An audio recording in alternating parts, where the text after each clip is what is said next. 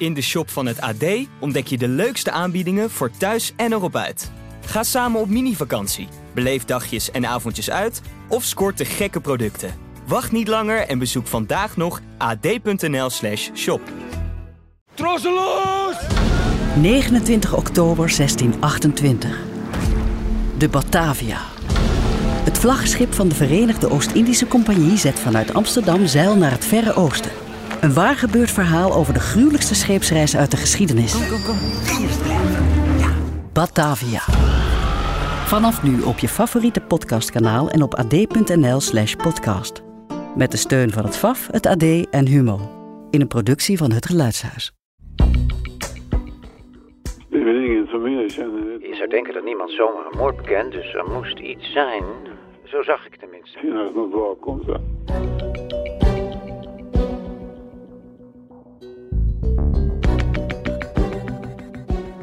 Je luistert naar De Stiefmoedermoord, een podcast van het AD. In 1986 bekent de 15-jarige Samir de moord op zijn stiefmoeder en wordt hij veroordeeld tot een lange gevangenisstraf. Alleen, kort daarna beweert hij onschuldig te zijn. Terecht? Of niet? Je hoort hoe journalist Anders Johansson op zoek gaat naar antwoorden.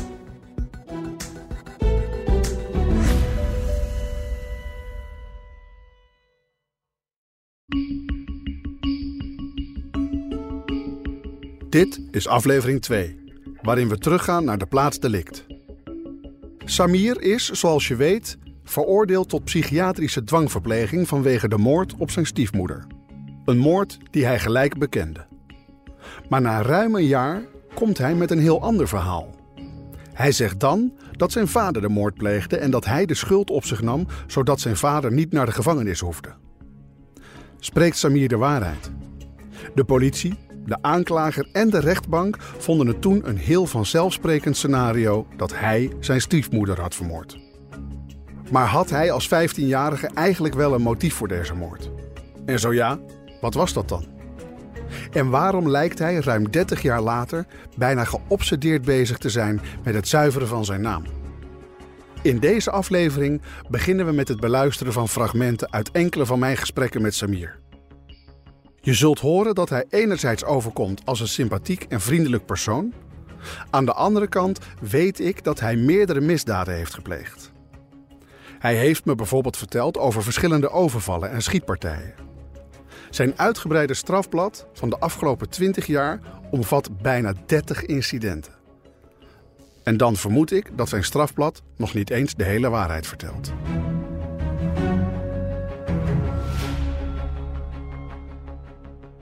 Maar hij heeft inmiddels de criminaliteit de rug toegekeerd. Tegenwoordig werkt hij met kwetsbare jongeren via zijn organisatie Second Chance, een organisatie die zelfs een prijs kreeg voor haar werk. Om te begrijpen hoe Samir, nu in de 50, is veranderd en hoe zijn leven is beïnvloed door die ene dag in 1986, moeten we terug naar de plaats van het misdrijf. Terug naar de dag waarop hij, 15 jaar oud, zittend op een tafeltje, werd gevonden met zijn dode stiefmoeder in de kamer ernaast. Om naar binnen te gaan moet je een trap op. We woonden op de eerste verdieping. We zijn in Tjensta, een buitenwijk ten westen van Stockholm. Het is de buurt waar Samir opgroeide. Met zijn vader, stiefmoeder en broertje woonde hij in een geel huis van zes verdiepingen. Daar vond de moord plaats. Samir is hier niet meer geweest sinds de dag van de moord. Dat is inmiddels ruim 30 jaar geleden. We staan op de stoep voor het huis. Aan de overkant is een kleuterschool. Vanaf de binnenplaats hoor je de vrolijke stemmen van spelende kinderen. En het getjilp van de vogels kondigt de lente aan. Ik vraag Samir of hij zijn ogen wil sluiten. En wil terugdenken aan de tijd dat dit zijn straat was. Welke herinneringen komen er bij hem op? Eh. Waar we nu staan is de miniwinkel, zoals het heette toen we jong waren. Nou, hier eh, hingen we rond. Mensen reden hier overal op motoren en brommers. Ja, ik wilde ook een motor hebben. Ik was pas 13 jaar oud. Er waren een paar jongens die iets ouder waren. Ze waren 15 of 16. We keken tegen de jongens op. Ze waren een beetje ouder.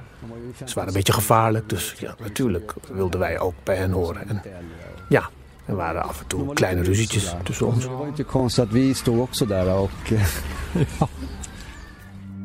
In 1986 kon je gewoon het trappenhuis inlopen. Maar inmiddels is er een extra deur bijgekomen en nu heb je een speciale magneetkaart nodig om de deur te openen. Die hebben wij niet. Maar na een tijdje wachten hebben we geluk en laat iemand ons binnen. Samir loopt voorop. We lopen naar het appartement waar hij woonde. Ook al is de moord op zijn stiefmoeder het donkerste moment in Samir's jeugd, ook de rest van zijn jeugd werd gekenmerkt door geweld en verwaarlozing. Zijn ouders maakten voortdurend ruzie. Zijn biologische moeder werd mishandeld door zijn vader. Zij sloeg op haar beurt Samir en zijn broer en zus. En die vochten onderling ook weer met elkaar. Samir en zijn broer en zus kwamen in contact met de jeugdzorg en hebben periodes in weeshuizen en pleeggezinnen gewoond. De vechtscheiding tussen zijn ouders eindigde met de toewijzing van de voogdij aan hun moeder. Desondanks kwamen Samir en zijn broer bij hun vader te wonen. Hij hertrouwde met een nieuwe vrouw. Toen ze het appartement in Tiensta betrokken was Samir 13 jaar oud. Het had een nieuw begin moeten zijn.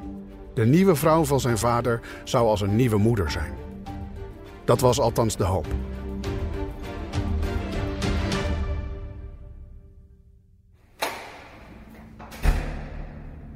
We komen aan bij het appartement en het roept veel emoties op. Samir krijgt tranen in zijn ogen. Hij is hier al ruim 30 jaar niet meer geweest. Sinds de dag van de moord. Ik zie aan zijn gezicht dat hij zich niet goed voelt. Hij begint nerveus op zijn kauwgom te kauwen. Ons eh, appartement was daar binnen. We hadden een extra deur, zodat we... Je kon dus kiezen welke deur je gebruikte. Ja, ja, je kan ze allebei gebruiken. Ze leiden naar dezelfde plek. Gebruikte jij beide deuren of was er één die je... Ik eh, gebruikte deze deur omdat ik een crossmotor had. Cross, motocross. Voelt vreemd om hier te staan. Een beetje triest. Eh, het is moeilijk om terug te komen op een plek als deze... waar je iets vreselijks hebt meegemaakt. Ja, ik zie je tranen. Ik kan me voorstellen dat je geëmotioneerd bent. Het is eh, fijn dat ik dit kan delen. Het is een plek waar veel gebeurd is. eh. het is verbonden met veel angst. Ik, ik heb het me altijd afgevraagd. Hoe zou het voelen om terug te gaan? Je bent er zo bang voor, dus eh, vermijd je plekken als deze. Maar tegelijkertijd voelt het goed. Kun je iets vertellen over de jaren dat je hier woonde? Ehm, het positieve was, denk ik, dat we voor het eerst een moeder hadden die ons knuffelde. Daarna was het heel. eh, ja, het was gewoon ellende. Het was gewoon eh, constant en de hele tijd mishandeling. Ik probeerde zoveel mogelijk buiten te zijn. Je wilde dus niet thuis zijn. En ik wilde niet thuis zijn. Ik was erbij toen hij haar bijna vermoordde en ik me machteloos voelde. Ik eh, wilde er niet. eh, ik wilde er niet naar kijken. Ik kon er niet mee omgaan. Dus dan loop je ervan weg en je wilt niet naar de politie of de sociale dienst. Die kijken toch niet naar je om. Dus ik kreeg geen hulp van hen en ik had niemand om mee te praten. Vi hade inte någon att prata med. Samir was dus ruim 30 jaar geleden hier op deze plek. Toen was het een plaatsdelict. Na zijn veroordeling heeft hij geprobeerd om te worden vrijgesproken. Hij is toen achter het in het beslag genomen bewijsmateriaal aangegaan om te kijken of dat opnieuw geanalyseerd kon worden. Maar hij kreeg als antwoord dat er helaas niets bewaard is gebleven. En om deze oude zaak opnieuw te openen en te laten onderzoeken, moet er nieuwe informatie zijn. Ondanks de nare gevoelens die het oproept, wil ik toch met Samir terug naar deze plek. Ik wil zijn herinneringen horen en een reconstructie maken. En voor alle duidelijkheid, dit betekent niet dat ik Samirs woorden direct voor waar aanneem. Dit bezoek aan Tiensta is bedoeld om zijn versie van het verhaal te horen, zodat ik later kan beoordelen of het aannemelijk is of niet.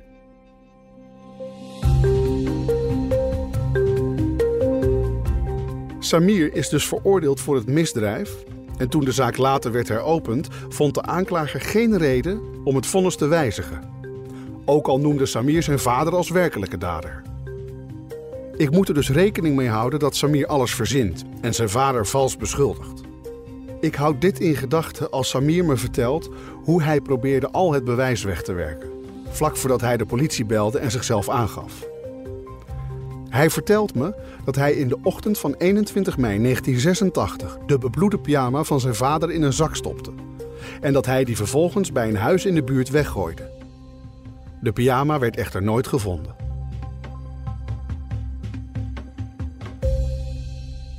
Ondanks de tranen vraag ik Samir om mij de route te laten zien die hij toen heeft afgelegd. Eh, Ik stopte zijn kleren in de tas. Hij had zo'n pyjama met broek. En Een pyjama shirt? ja, een pyjama shirt, ja. En het was zo'n dun stofje. eh, casual, zou je het kunnen noemen. En het zat in een zak. Ja, ik heb het in een zak gedaan, ja. En toen ging ik hierheen. Deze deur was er niet. Ik, ik weet dat ik hierheen ging omdat ik niet gezien wilde worden. Ik wilde niet dat iemand me zag.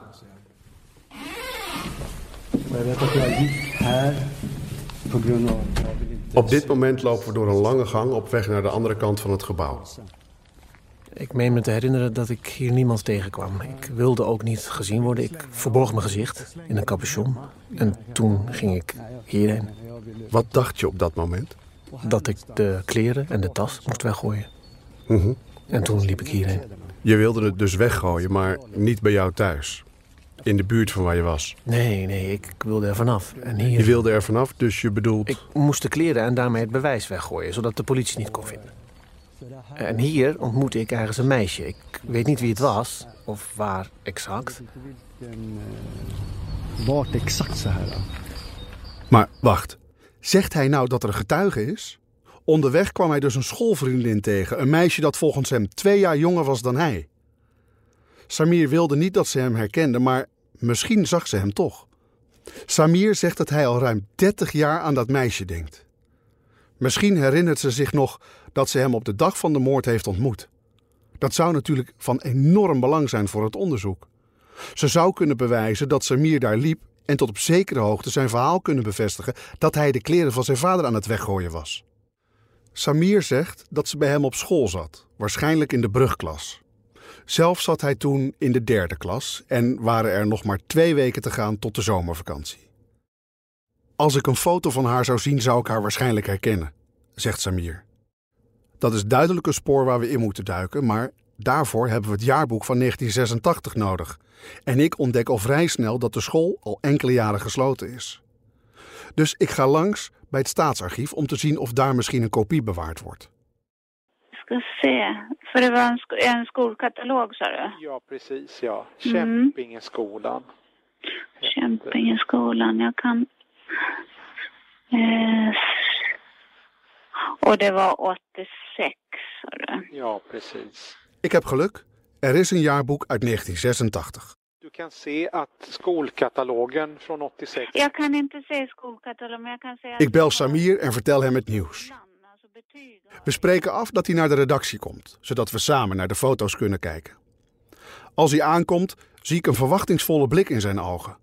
Hij is goed gehumeurd, maar tegelijkertijd lijkt hij ook gespannen. We nemen het boek door, klas voor klas. Beginnend bij de brugklas en vervolgens direct naar zijn eigen klas. Samir staat in het midden, op de achterste rij. Ah, jag ser min son i, i mig själv där. Alltså, herregud. Ik zie mijn zoon in mezelf, daar. Oh, wat lijken we op elkaar. Heb je nog contact met klasgenoten van destijds? Ja, ja. Vorige zomer sprak ik Roger Anderson nog. Hij en een paar anderen wilden me verrassen met een avondje plezier maken. Bolen en dat soort dingen. We gingen naar Schempingenskolan en wisselden herinneringen uit. We kletsten over van alles en nog wat. En ineens, ik word hier nog emotioneel van. Ineens zegt hij, ik heb een verrassing voor je. Omdat je er niet bij was toen wij onze diploma's kregen, heb ik er hier nog één voor jou. Ze hadden al die tijd op je gewacht. Ja, ja, ze hadden dit met elkaar afgesproken. Het was echt bijzonder. Ik was totaal verrast. Jag blev helt tagen. De emoties van Samir raken me. Het fascineert me dat zijn oude kameraden hem ruim 30 jaar later alsnog zijn diploma uit 1986 gaven. Maar we zoeken nog altijd naar dat meisje. Klas voor klas, gezicht voor gezicht. Wel twintig minuten lang zit Samir met de gekopieerde foto's voor zich. Af en toe pauzeert hij, maar helaas komen er geen herinneringen boven. Hij stopt met bladeren en lijkt een beetje teleurgesteld. We besluiten dat hij de foto's mee naar huis neemt en ze thuis nog eens gaat bekijken. Helaas zal later blijken dat dat ook niks oplevert.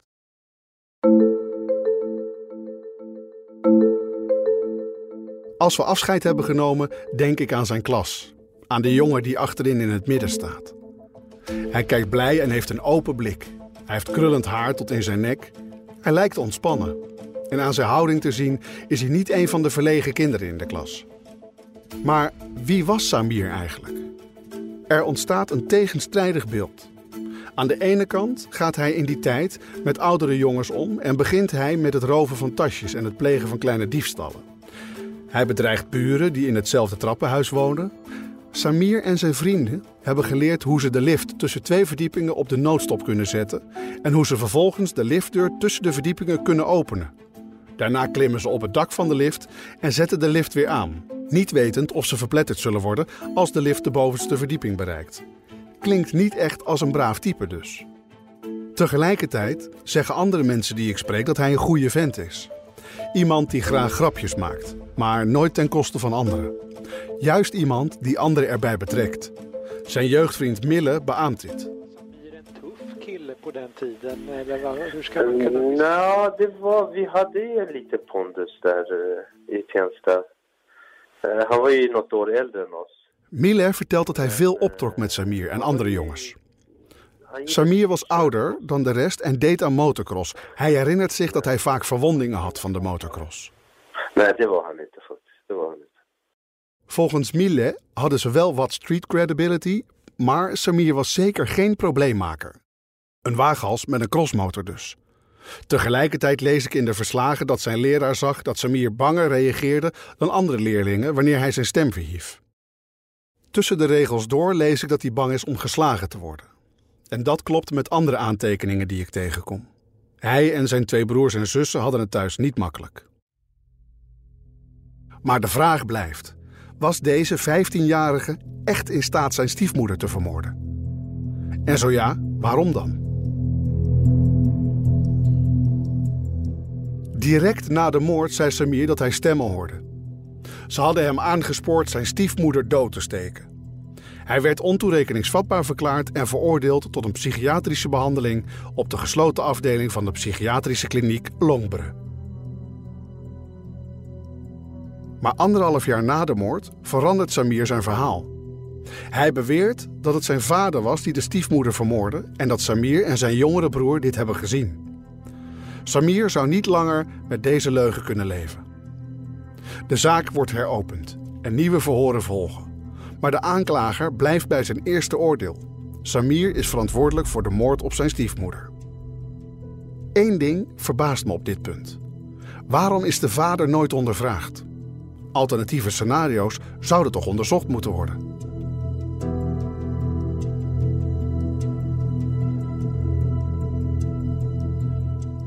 Ik lees in het dossier dat Samir zei dat hij niet bij zijn vader wilde intrekken. Maar tegelijkertijd kwam zijn vader naar de Longbreu kliniek en vroeg om het ontslag van Samir, zodat hij bij zijn vader kon intrekken. Toen de hoofdarts uitlegde dat dit niet ging, begon zijn vader te dreigen. De arts was zo geschrokken dat hij het incident bij de politie meldde. Dit kan op twee manieren worden geïnterpreteerd. Een liefhebbende vader die zijn zoon heeft vergeven en vindt dat hij heeft geboet voor zijn misdaad, of een gewelddadige man die gewend is te krijgen wat hij wil. Samir zegt dat het voelde als een stomp in zijn maag toen hij zich realiseerde dat de rechercheurs zijn nieuwe verhaal niet geloofden. Hij beschrijft dat het voelde nu hij eindelijk de waarheid vertelde alsof niemand wilde luisteren. Hij zegt dat hij teleurgesteld en boos was. Dit blijkt ook uit het verhoor waarop te zien is dat hij op een gegeven moment gewoon opstaat en weggaat. Ik vraag me af of hij zijn vader de schuld heeft gegeven omdat hij het gewoon zat was om in de psychiatrische kliniek opgesloten te zitten.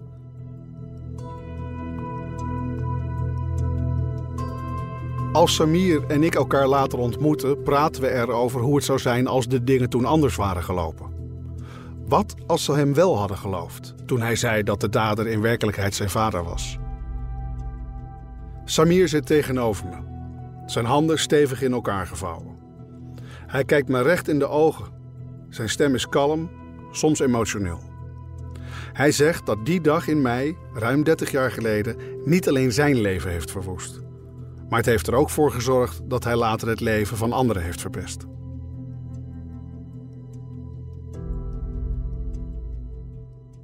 Om till då, när jag kom ut från ungdomskliniken, jaha, men då... Als het vonnis toen zou zijn rechtgezet en ik uit de jeugdgevangenis zou komen, hm, daar heb ik veel over nagedacht.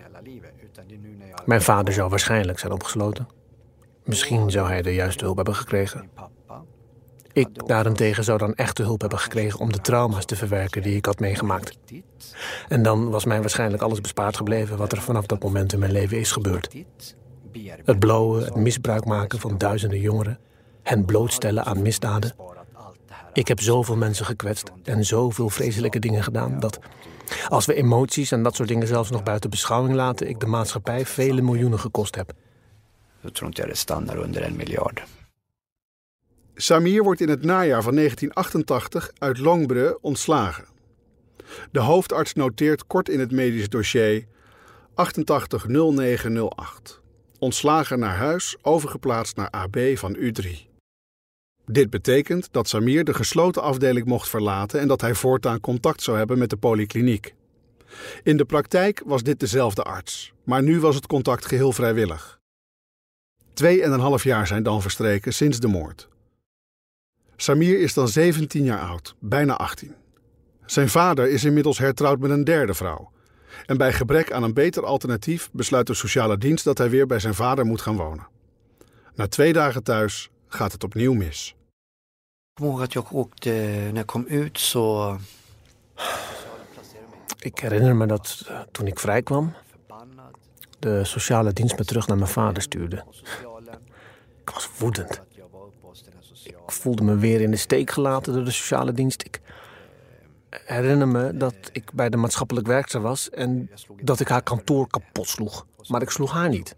Ik heb haar niet aangeraakt. Daarna ging ik weg. Eenmaal buiten heb ik me nog nooit zo alleen gevoeld. Wanneer je niemand hebt die je kunt vertrouwen en wanneer je niet. Je kijkt naar je moeder, je kijkt naar je vader, maar ze zijn er niet voor je. Ik, ik had niemand en ik was helemaal alleen. In het donker.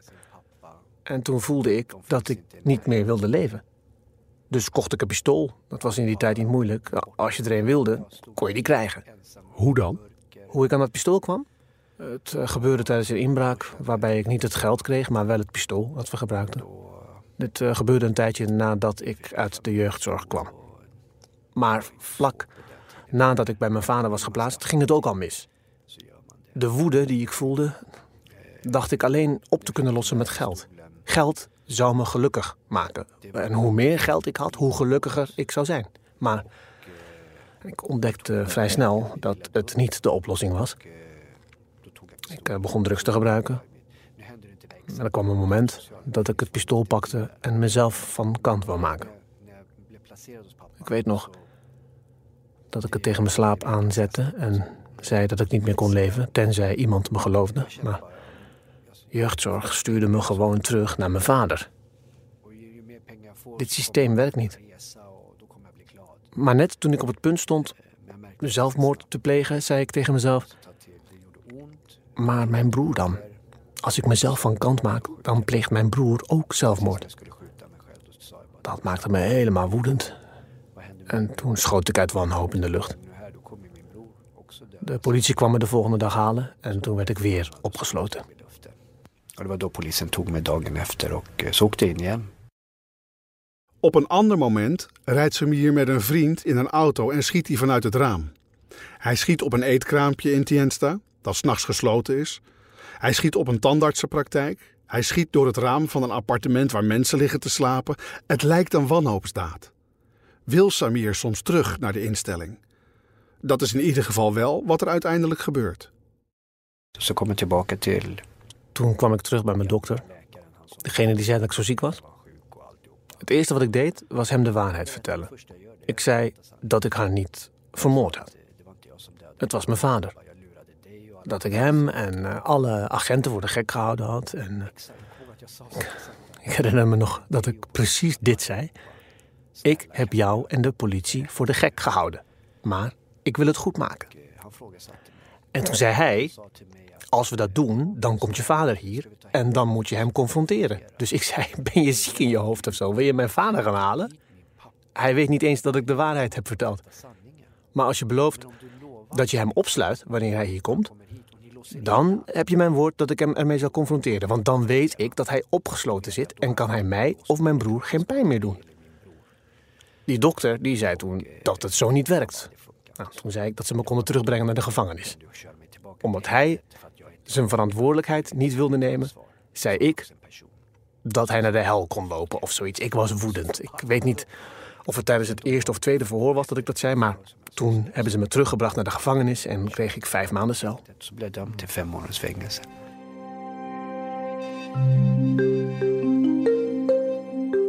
De zinloze schietpartij waarover Samir vertelt, leidt ertoe dat hij opnieuw wordt gearresteerd. Als verdachte van nieuwe misdrijven.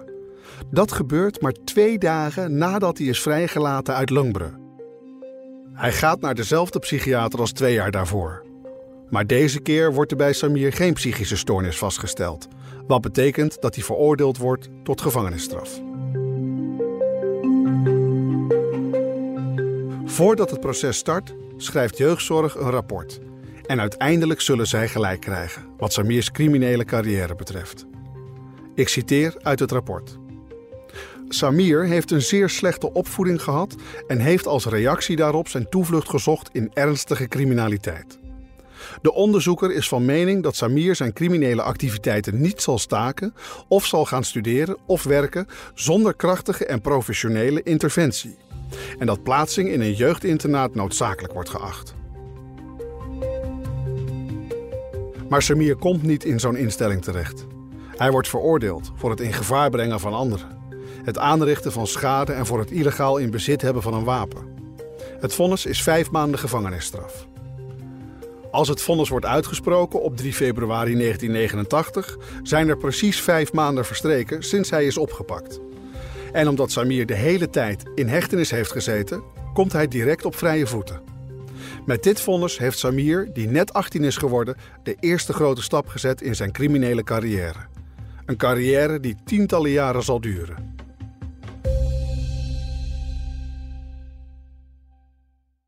Ook voor de veroordeling van de moord is Samir al bekend bij de politie. Hij is lid van een bende die vooral bekend staat om het roven van tasjes. Ik neem Samir's strafblad door. Het is een hele opsomming. Vanaf 1995 zijn er maar liefst 13 veroordelingen. En van voor 95 zijn er ook veroordelingen die niet meer geregistreerd staan. En dan hebben we het over zware criminaliteit. Waaronder een gewapende bankoverval. Als ik goed geteld heb, is hij veroordeeld tot in totaal meer dan 11 jaar gevangenisstraf. Daarover zometeen meer. Natuurlijk moeten we daar rekening mee houden. Als we het over Samirs mogelijke schuld hebben. Maar welk gewicht moeten we toekennen aan Samirs criminele achtergrond? Ik vind dat een lastige vraag. Aan de ene kant kun je zeggen dat er een verband bestaat tussen wat Samir zegt te hebben meegemaakt en de keuzes die hij later in zijn leven maakt. Dat hij geen gewelddadig jongen was, maar dat hij er een werd door de omstandigheden. Aan de andere kant zouden de slachtoffers van de volwassen Samir daar waarschijnlijk niet mee eens zijn. Kan zijn huidige strafblad verklaren wat er gebeurde op 21 mei 1986, de dag waarop de moord werd gepleegd?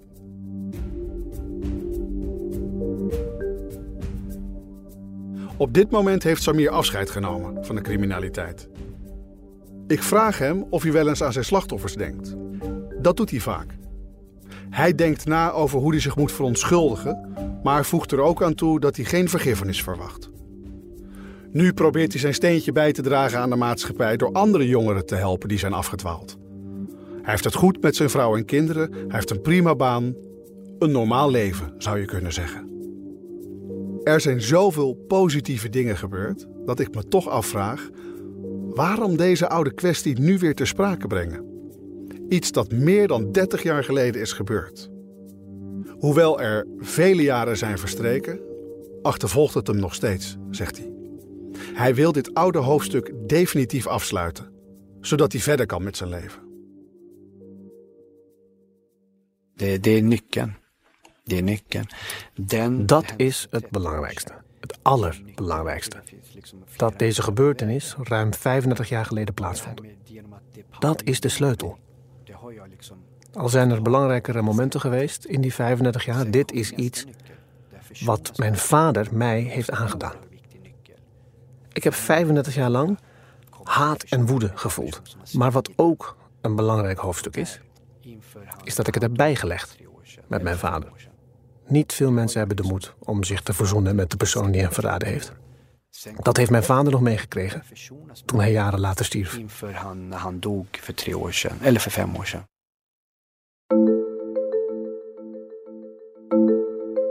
Ik zie Samir ondertussen steeds vaker. Soms belt hij me s'avonds. En soms is hij verdrietig of te neergeslagen. Maar hij zegt nooit iets als: Je moet me geloven. Geen idee wat ik daarvan moet denken. Jag säger inte att du ska lita på mig. Ik zeg niet dat je me moet geloven, maar je kunt wel al het materiaal bekijken. En dan je eigen mening vormen. Misschien lieg ik tegen je. Misschien ben ik wel de moordenaar. Samir benadrukt dat ik zelf moet beslissen. Natuurlijk is het makkelijk om te denken dat iemand die alle belangrijke documenten uit zijn leven overhandigt, niets te verbergen heeft. Maar aan de andere kant, hij is wel veroordeeld voor moord. En toen het onderzoek werd heropend, veranderde de uitkomst niet. Het vonnis tegen hem bleef staan. Dus ik stel mezelf de vraag: wie heeft er een belang bij de dood van Samir's stiefmoeder? Of voor wie was het een dreiging als ze bleef leven? Met andere woorden, wie had een motief voor de moord? Wat zei Samir er zelf over op het moment dat het gebeurde? Tegen de eerste politieagenten die ochtends ter plaatse kwamen, zei hij dat hij ruzie had gehad met zijn stiefmoeder over een crossmotor. Hij wilde hem niet verkopen zoals zijn stiefmoeder had geëist. Tijdens het eerste verhoor in de middag zei hij dat zijn stiefmoeder hem de hele dag op zijn huid zat. Ze schreeuwde tegen hem zonder reden. Hij kon er niet meer uitstaan. Een quote uit dat interview. We hebben elke dag ruzie, ook al doe ik niets. Ze schreeuwt zonder dat ik iets doe. Ik kan nergens heen. Ze zit me constant op mijn huid. In het tweede interview de dag erop vertelde hij dat ze boos werd als hij tv keek. Dan zette ze de tv uit. Normaal gesproken ging hij dan rustig naar zijn kamer zonder te protesteren. Maar er begon wel een plan te ontstaan. Ze moest sterven. Hij kocht een speciaal mes dat hij daarvoor zou gebruiken. Toen de zaak heropend werd, merkten de politieregisseurs vooral op hoe doordacht dit klonk. Dat hij zelfs in zijn meskeuze rationeel leek. Ik zou geen keukenmes gebruiken, omdat hij zo'n dun lemmet hebben. Dat makkelijk buigt als je ermee steekt, zei Samir. De regisseurs vonden ook dat hij een zeer gedetailleerde beschrijving gaf van hoe het voelt om met het mes te steken. Ze vonden het niet aannemelijk dat iemand zoiets zou kunnen verzinnen.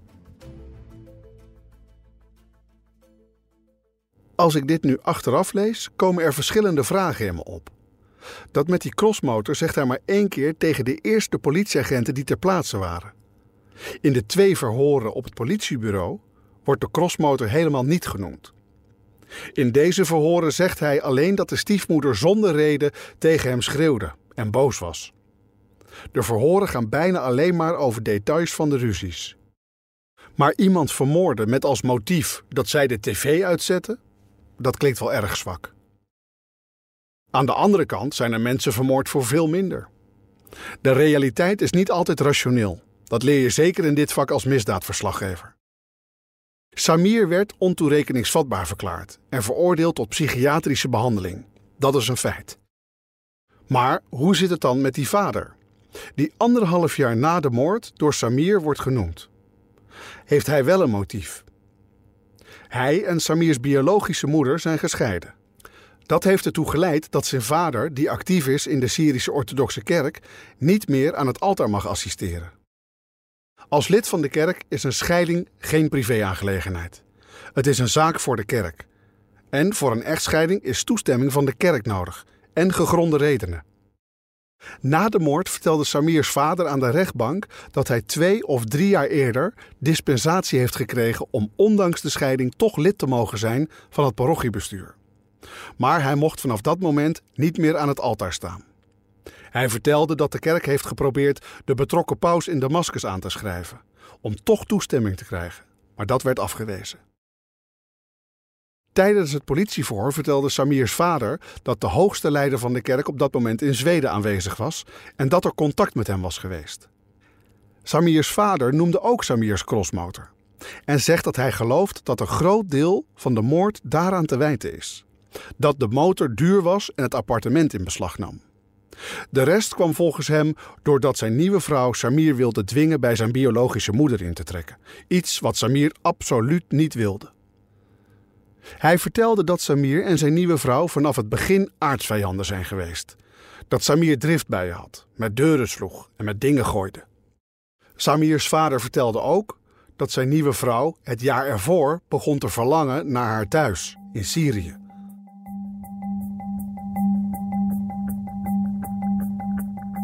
Ik citeer uit het verhoor met hem.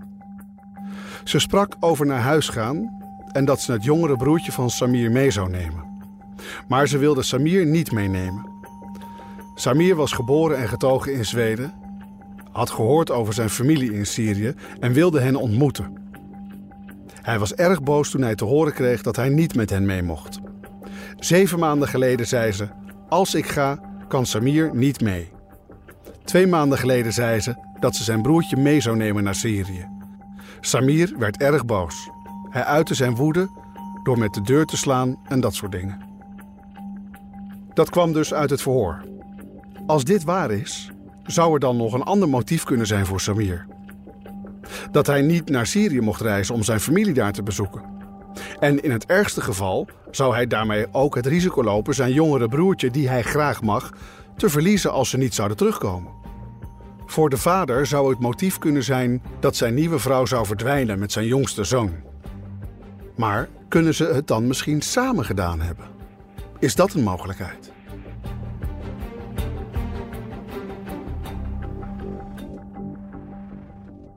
Wat als de stiefmoeder wilde vertrekken naar Syrië en het broertje mee wilde nemen? Kunnen de twee een motief hebben om samen de moord te plannen en uit te voeren? Zo ja, was het dan onderdeel van dat plan dat Samir de verantwoordelijkheid voor de misdaad op zich zou nemen? Of was het zo dat de vader Samir dwong de moord te plegen? Dat is namelijk wat het personeel van Longbre eerst dacht: dat Samir de moord had gepleegd in opdracht van zijn vader. Maar als ze het niet samen gepland en uitgevoerd hebben, dan moet één van hen de misdaad gepleegd hebben. Als ik het broertje buiten beschouwing laat, want die was pas 12 jaar, dan zijn er maar twee mogelijkheden. Het is of Samir of de vader. Alleen al op basis van deze documenten zie ik maar één motief: dat de vrouw haar man wilde verlaten. Dat Samir de stiefmoeder zou vermoorden omdat ze klaagde over zijn crossmotor of de tv uitzetten als hij er naar wilde kijken, is een veel minder realistisch motief. Zeker in vergelijking met het motief van zijn vader. Dus stel, zijn nieuwe vrouw verlangde naar huis, naar Syrië. Dan riskeerde de vader dat hij in de steek gelaten zou worden nadat hij hertrouwd was. Dat zou zijn reputatie kunnen schaden. Nog een scheiding zou een schandaal betekenen. Dat bedacht Samir ook toen hij werd ondervraagd over zijn nieuwe verklaring. Toen hem werd gevraagd: En hoe was het uiteindelijk tussen je vader en deze vrouw? reageerde Samir met: Nou, ze wilde steeds van hem scheiden. Ze kon er niet meer tegen. Ik denk dat ze ook had gezien dat hij een beetje vreemd was. Samirs vader leeft niet meer. Dus we kunnen het hem niet meer vragen. Maar er zijn enkele vragen die ik aan Samir moet stellen. Hoe was zijn relatie met zijn stiefmoeder? Waarom werd de crossmotor maar één keer genoemd? Alleen de eerste keer toen de agenten bij het appartement aankwamen. En wist hij dat zijn stiefmoeder terugverlangde naar Syrië? En daar met zijn broertje naartoe wilde? Samir zegt daar dit over.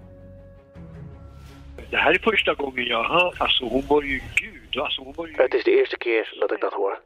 God, ze was zo lief. Ze deed geen vlieg kwaad. Ze was geweldig. Mijn biologische moeder verschilde als dag en nacht met mijn stiefmoeder.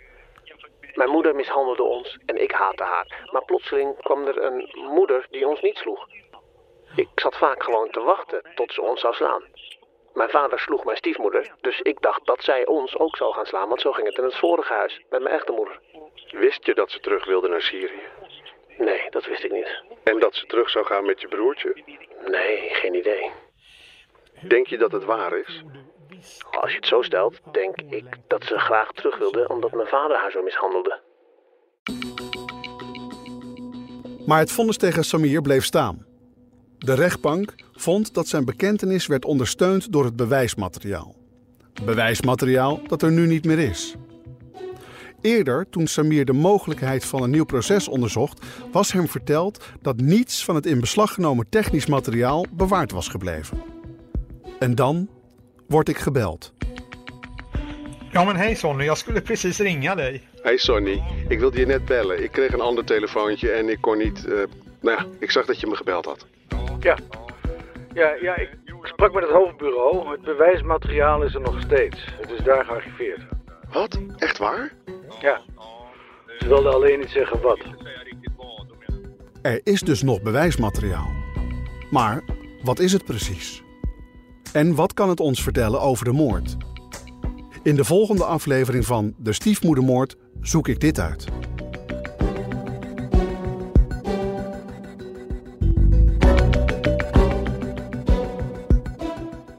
Je luisterde naar De Stiefmoedermoord. Ben je benieuwd naar de andere podcast van het AD? Je vindt ze allemaal op ad.nl/slash podcast.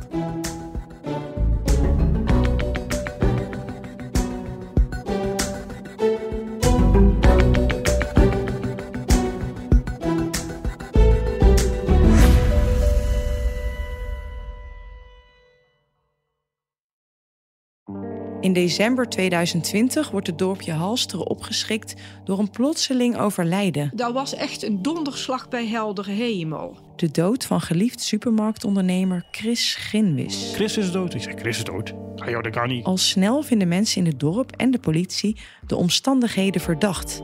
Ze denken dat Chris vergiftigd is door zijn kerstverse vriendin Yvonne K.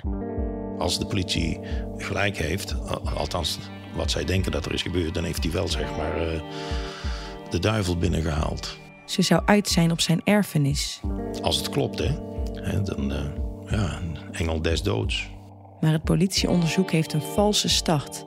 En Yvonne ontkent in alle toonaarden.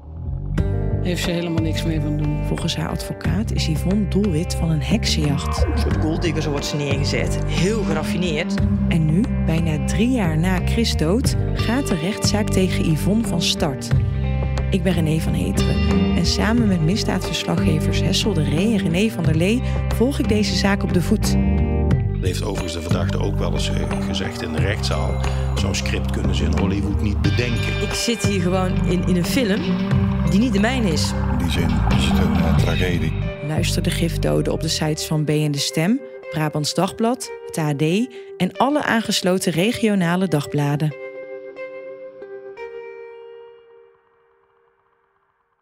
In de shop van het AD ontdek je de leukste aanbiedingen voor thuis en erop uit. Ga samen op mini-vakantie, beleef dagjes en avondjes uit of scoort de gekke producten. Wacht niet langer en bezoek vandaag nog ad.nl/shop.